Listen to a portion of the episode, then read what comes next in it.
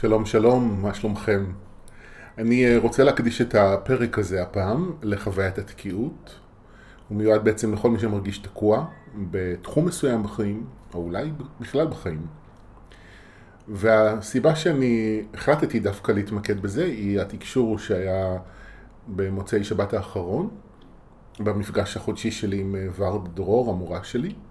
תואר... אה, דיברו על חוויית התקיעות. הם אמרו שבתקופה הזו שבה אנחנו נמצאים, יש חוויה עוד יותר מוגברת של שני הקצוות. מצד אחד תנועה מאוד מהירה, שדברים שאני רוצה וחושב עליהם קורים כהרף עין, ומצד שני, תחושה שדברים לא זזים, כאילו אני תקוע בבטון. וכמה שאני לא מנסה לעשות דברים, אני לא מצליח.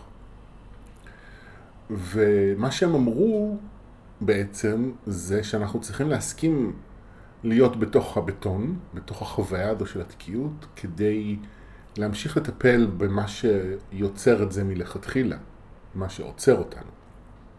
שאנחנו עוד לא יכולים לזוז, אנחנו צריכים לחזור ולבדוק את עצמנו פעם נוספת.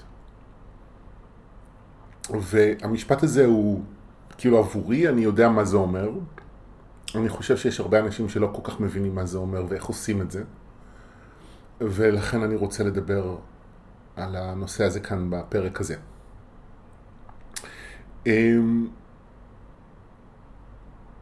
אני חושב שאני אתחיל דווקא עם, אה, עם סיפור, אוקיי? אני, זה הדבר הראשון שקופץ לראש לספר אותו, וזה המקום שאני בא ממנו לכל הנושא הזה, אולי החוויה המשמעותית ביותר שדרכה אני יכול לדבר על זה, קשורה לזוגיות שלי. ולהיעדר שלה. אוקיי? אז קצת, שתבינו קצת במה מדובר, אני יצאתי מהארון, התחלתי לצאת מהארון בערך בגיל 17, ובערך מאותו רגע, מה שהייתי מכוונן אליו זה למצוא חבר.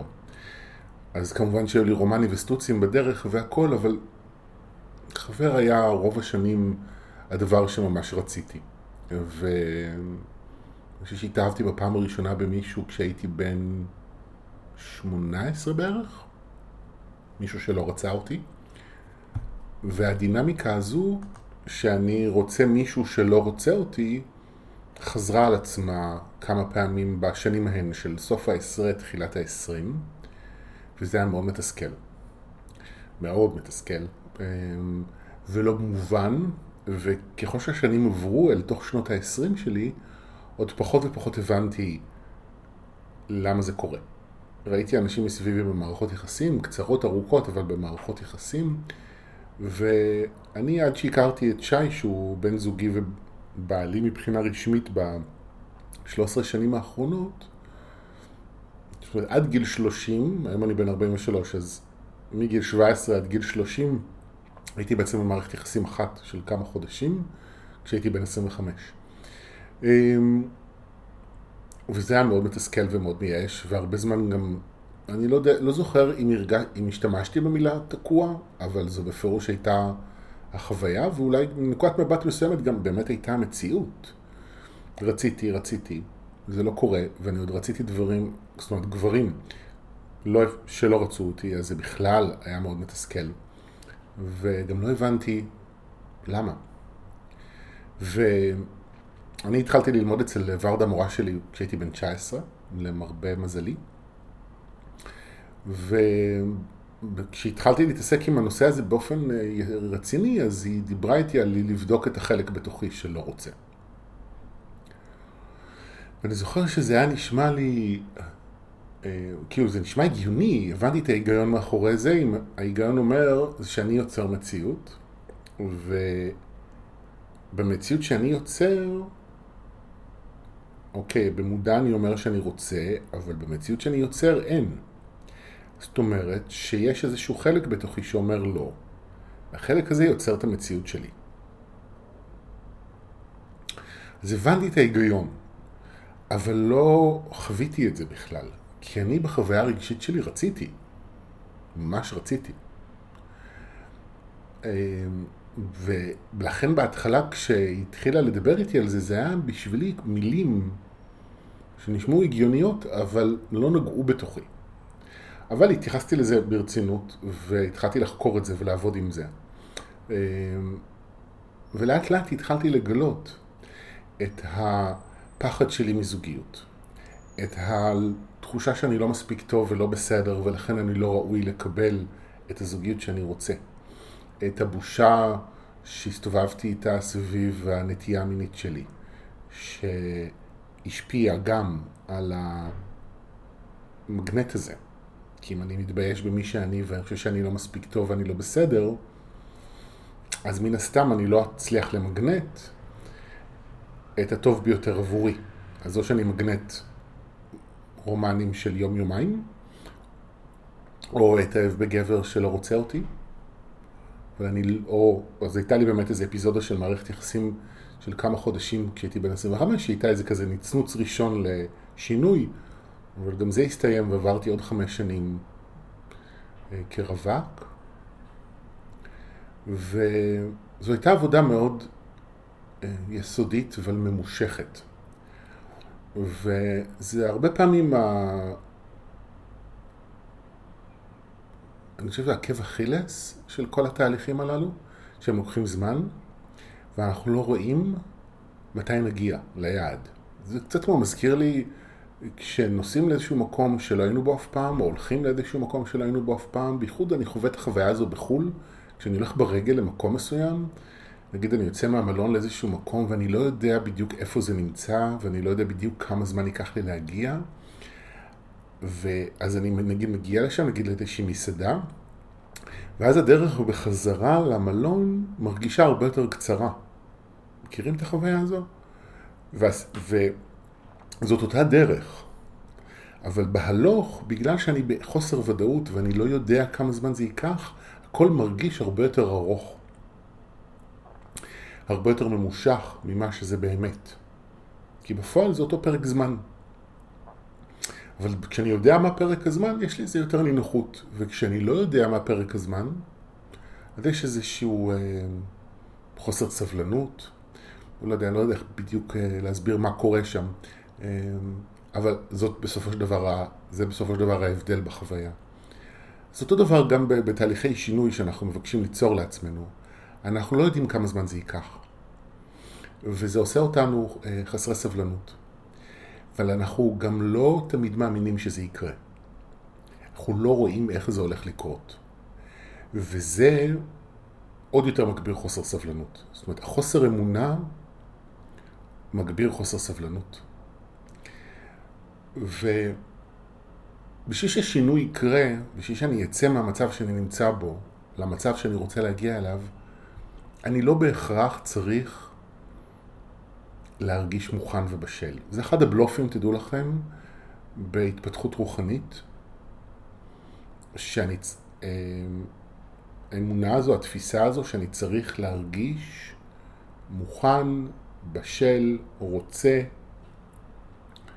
פתוח, כדי שמשהו יקרה. אני לפני שהכרתי את שי לא הרגשתי לא בשל ולא מוכן. זאת אומרת, בשל הייתי בערך שבע שנים קודם לכן מבחינתי, וזה לא קרה. וכשהייתי בן 30, לפני ששי ואני התחלנו אה, לצאת ביחד, אני הייתי מיואש. אני לא ראיתי איך זה הולך לקרות, כי אני גם רציתי זוגיות, ובקהילה שלנו זה לא דבר של מה בכך ליצור זוגיות.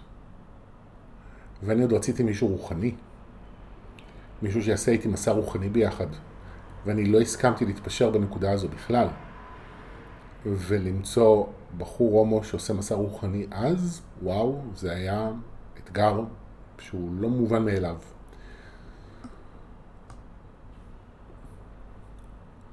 ולא הרגשתי, לא ראיתי איך זה הולך לקרות. לא ידעתי איך זה הולך לקרות והנה זה קרה.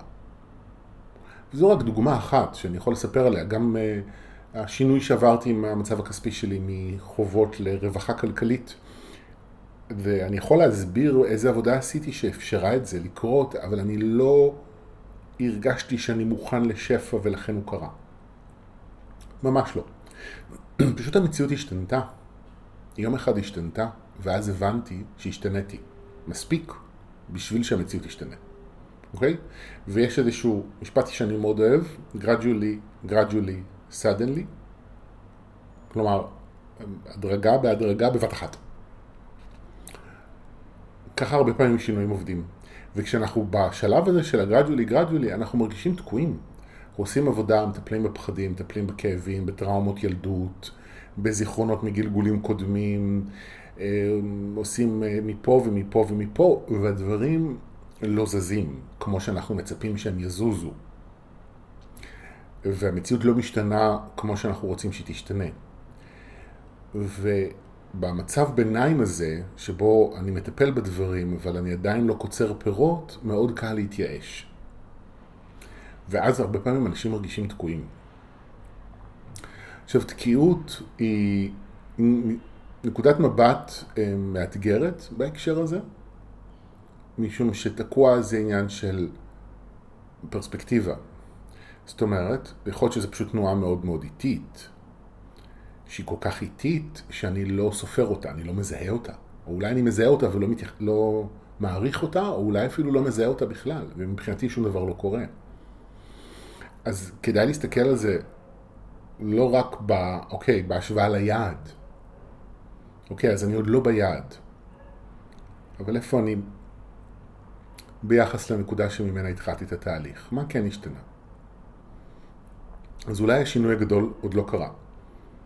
אוקיי? אולי הקליניקה שלי עוד לא מלאה במטופלים, אולי אני עוד לא בזוגיות, אולי אני עוד לא מצליח לצאת מהחובות, אולי כל הדברים הללו לא קרו. היעדים הברורים. אבל מה כן השתנה בדרך? איזה צעדים קטנים עשיתי? וזה משהו שהוא בעיניי מאוד משמעותי להתייחס אליו. כי קל מאוד להתעלם מזה, אבל דווקא הצעדים הקטנים הם אלה שנותנים לי כוח להמשיך הלאה. כי אם אני רק מודד את עצמי בהתאם ליעד הסופי, אני יכול נורא בקלות לוותר ולהרים ידיים. כי אני לא שם, וזה נורא מייאש. ואין לי מה לעשות עם זה. אבל אם אני רואה את הצעדים הקטנים, זה נותן לי, זה מעודד אותי, אוקיי. אז נכון, אני עוד לא בזוגיות, אבל אני לומד אה, ליהנות עם עצמי, עם הלבד שלי. ובזכות זה שאני לומד ליהנות מהלבד שלי, אני, אני בא עם יותר ביטחון עצמי לזוגיות. אני מטפל בכל מיני אה, חוויות שיצרו אצלי חוסר ביטחון, וזה מביא אותי, מכין אותי לזוגיות כשיש לי יותר ביטחון עצמי ממה שהיה לי עד עכשיו. הנה צעדים קטנים, דוגמאות לצעדים קטנים חשובים ומשמעותיים בדרך. או, למשל, עוד לא יצאתי מהחובות שלי, אבל אני לומד אה, לעשות רישום של הוצאות הכנסות. וזה כלי חשוב שיעזור לי אה, לחיות ברווחה כלכלית, כי אני לומד להכיר את עצמי במקום שאני נמצא בו. על, מי, על מה אני מוציא, למה אני מוציא את הכסף שאני מוציא דווקא על זה ולא על דברים אחרים? מה סדר העדיפויות שלי? מאילו סיבות רגשיות אני פועל מבחינה כלכלית? איזה פחדים ואמונות יש בתוכי? אני לומד להכיר את עצמי במקום הזה, וזה משמעותי, כי אז אני יכול לפנות מקום למשהו חדש. אז נכון, אני עוד לא בחדש, אני עוד בישן, אבל אני כן מטפל בזה ומיישם לאט לאט שינויים ו... יוצר ריפוי שהוא חשוב להמשך הדרך. זה רק שתי דוגמאות ל... שאני בעזרתן רוצה להמחיש את מה שאני מנסה להגיד. תסתכלו אחורה. ותסתכלו על הצעדים הקטנים שאתם עושים. וזה כן, ותשמעו, אני לא אומר שאסור לנו להתייאש ואנחנו צריכים תמיד להיות אופטימיים ובלה בלה בלה בלה. לא. זה בסדר להתייאש. וזה בסדר להישבר לפעמים. ובאמת התהליכים יכולים להיות מאוד uh, מייגעים מהבחינה הזו. לפעמים מרגיש סיזיפי, אני מטפל בזה עוד פעם ועוד פעם ועוד פעם, וזה עדיין לא קורה וזה עדיין לא קורה וזה עדיין לא קורה. זה באמת אתגר רציני, יכול להיות. אבל באותה מידה, זה חשוב בעיניי ללמוד להסתכל אחורה ולהסתכל על הצעדים הקטנים שאני עושה, כדי לתת לעצמי כוח להמשיך הלאה. כדי לראות שהתקיעות שאני מרגיש שאני נמצא בה היא לא באמת תקיעות. היא פשוט, אני עוד באמצע, בתוך התהליך, אני עדיין עושה עבודה עם עצמי, אוקיי? עכשיו, אני מדבר על כל זה, על סוג אחד של תקיעות. שבעצם יש איזשהו פער בין המקום שאני רוצה להגיע אליו לבין המקום שאני נמצא בו, והפרשנות של הפער הזה היא אני תקוע. אבל יש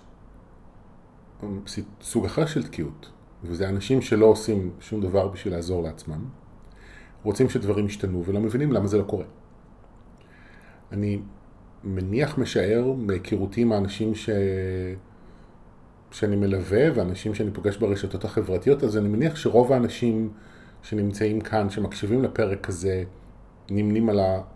אה, זאת אומרת, מה שמתמודדים איתו זה הסוג הראשון של התקיעות. אבל יכול להיות שיש פה אנשים גם עם הסוג השני, ולכן אני רוצה לדבר על זה. יש סיפור אה, על אה, מוחמד, שיצא מהכפר עם הגמל שלו, והלך למקום אחר. ובדרך הוא היה צריך לישון, ירדה השמש, הוא היה צריך לישון איפשהו, והוא מצא איזה פינה. הוא פרס את השטיח, מזרן, whatever, ליד הגמל, התפלל לאלוהים, ביקש מאלוהים שישמור עליו ושישמור על הגמל שלו, והלך לישון. ובבוקר הוא קם ואין גמל. והוא אה, מאוד התעצבן, ובתפילת בוקר שלו הוא בא בטענות לאלוהים. ביקשתי, התפללתי, שתשמור לי על הגמל, למה לא שמרת לי עליו? עכשיו איך אני אלך? לאן ש... איך אני אגיע לאן שאני צריך להגיע? איך אני אחזור, אחזור לכפר שאני בא ממנו? למה עשית לי את זה? ואז הוא שמע את אלוהים, כי מוחמד היה מתקשר, שאמר לו, בני היקר, בפעם הבאה תקשור את הגמל. וזה מה שאני רוצה להגיד לכל מי שמרגיש תקוע, שאנחנו צריכים לעזור לעצמנו. אלוהים לא יעזור לנו. פשוט הוא יעזור לנו, היא תעזור לנו, לא יודע איך להגדיר את זה, אבל לא ככה. אנחנו צריכים להרים את עצמנו ולעשות עבור עצמנו. זה שאני רוצה זה לא מספיק. ונכון, יש מסרים רוחניים שמדברים על להתחבר לכוח הרצון ולהגיד מה אני רוצה, ולפעמים מסרים שגם אני מעביר, אבל זה לא עובד ככה. לא ככה. זה עובד, אבל לא ככה. אוקיי, יש את מה שאני רוצה. זה חשוב שנברר עם עצמנו מה אנחנו רוצים. אילו שינויים אנחנו רוצים ליצור. אבל מה אנחנו עושים למען זה? עכשיו, אני לא מדבר על להתאמץ בהכרח. כי אם אני בכוח מנסה להכריח את עצמי, וזה לא עובד, זה בגלל שזה לא עובד. אני לא אמור להכריח את עצמי. אז מהבחינה הזו הכל בסדר.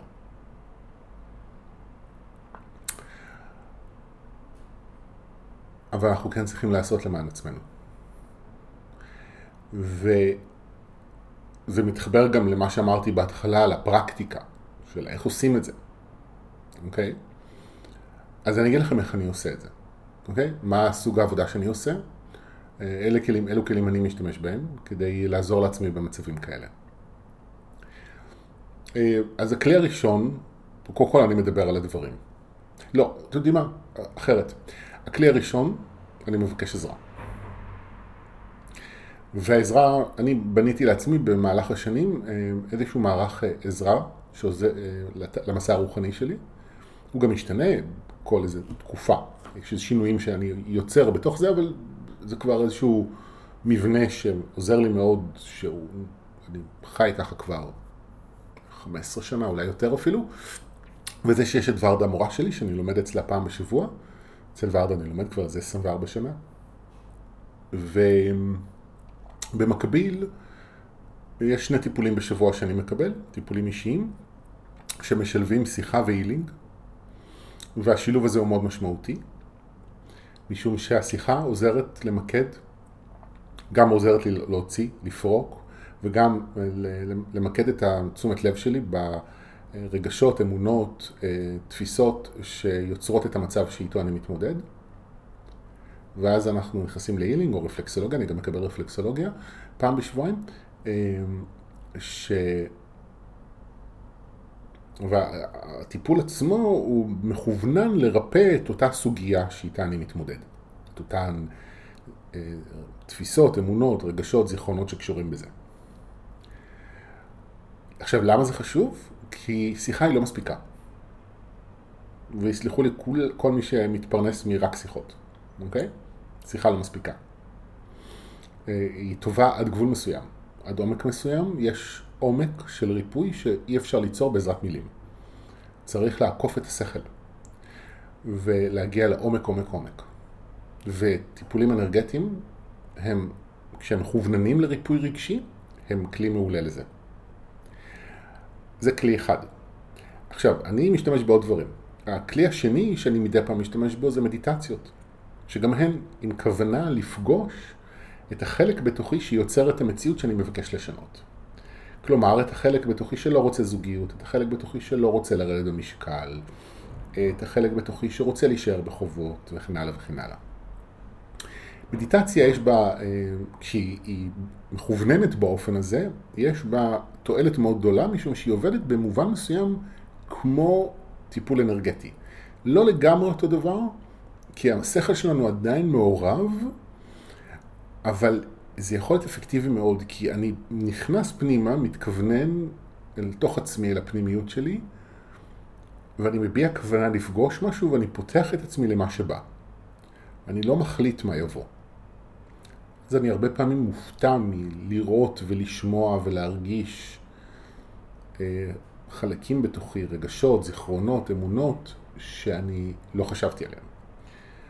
וזה כלי שאני, אם אני אגיד, אני נמצא במצב שאני תקוע, שדברים לא זזים ויש איזשהו מצב אה, אה, חירום, ואני צריך ליצור תנועה אה, דחוף, נגיד, אה, אני בחובות מאוד גדולים ואין לי כסף ואני צריך ליצור איזשהו שינוי, אז אני משתמש בכלי הזה כל יום אפילו.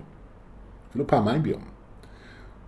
ונותן למה שעולה לעלות ומדבר עם הדמויות שאני פוגש בתוך המדיטציות האלה כדי לאפשר לרגשות לעלות ולצאת.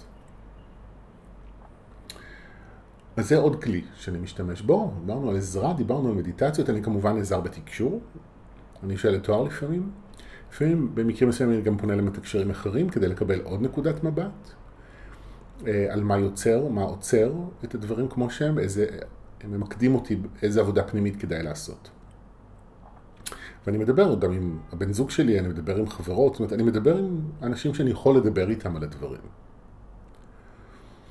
עכשיו, זה מאוד tricky מה שאני אומר כאן, אוקיי? כי אני נותן לכם, מספר לכם את הכלים שאני משתמש בהם, שעוזרים, לא רק לי, הם עוזרים גם להרבה אנשים. ואני מלמד אותם גם, לפחות חלק מהם, בסדנאות שאני מנחה.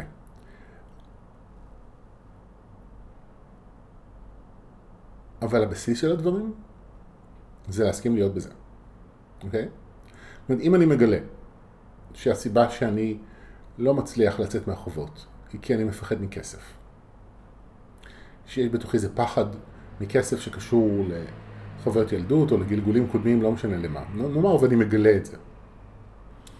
אז אוקיי, אז אני הולך לטיפול, אני עושה עם זה מדיטציה, אני, יש דברים שאני עושה, אבל הם רק המעטפת. הם אמצעי שעוזר לי להתחבר למקום הזה ולהתמסר אליו. כי זה הסוד. בשביל לעשות שינוי, אני צריך להתמסר למה שיש. אז אם אני מפחד מאוד ממשהו ואני לא מסוגל כרגע שלא לפחד, כי אני מת מפחד ממשהו, אז אני מת מפחד ממשהו, אני הולך עם זה עד הסוף. והמטרה של המדיטציות, של השיחות, של הטיפולים, של כל מה שאני עושה, היא לחשוף את המקום הזה, להעצים אותו ולאפשר לי להתמסר אליו. יש איזשהו רגע בתהליכי ריפוי שזה נושר ממני. זה נפרד ממני. אני לא משחרר דברים. אני נותן להם להשתחרר ברגע הנכון. וזה תמיד יקרה ברגע הנכון. זה לא יקרה רגע אחד לפני ולא רגע אחד אחרי.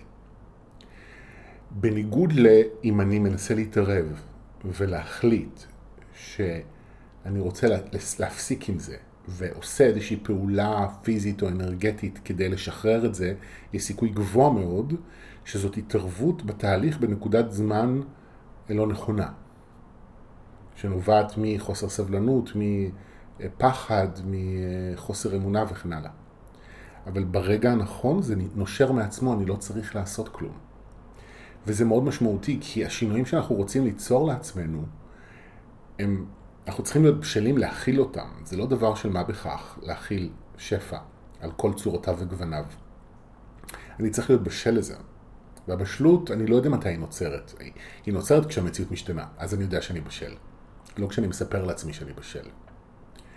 אז מה שאני עושה הוא להתמסר לזה. אני אומר, אוקיי, אני כרגע בלא, יש לי לא בפנים, אז אני בלא. ואני לומד להכיר את, את שחר שאומר לא לאותו הדבר שאני רוצה. ויש איזשהו רגע מסוים שזה מסתיים. ואתמול נתתי לזה אה, דוגמה ל...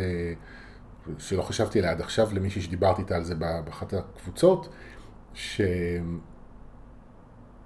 אמרתי לה, סיטואציה שלדעתי כולנו מכירים, שנגיד קיבלתי מכה אה, ברגל, וזה כואב, ואני מסתובב כמה ימים עם כאב. ופתאום יש איזושהי נקודה בזמן שאני פתאום שם לב שהפסיק לכאוב לי.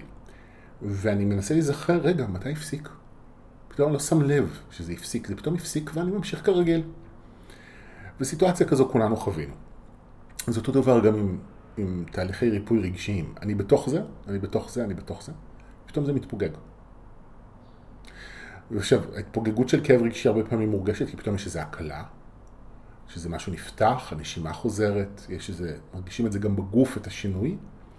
אבל מה שמשמעותי זה, בסופו של דבר, עוד סבב כזה ועוד סבב כזה, באיזשהו שלב גם המציאות משתנה.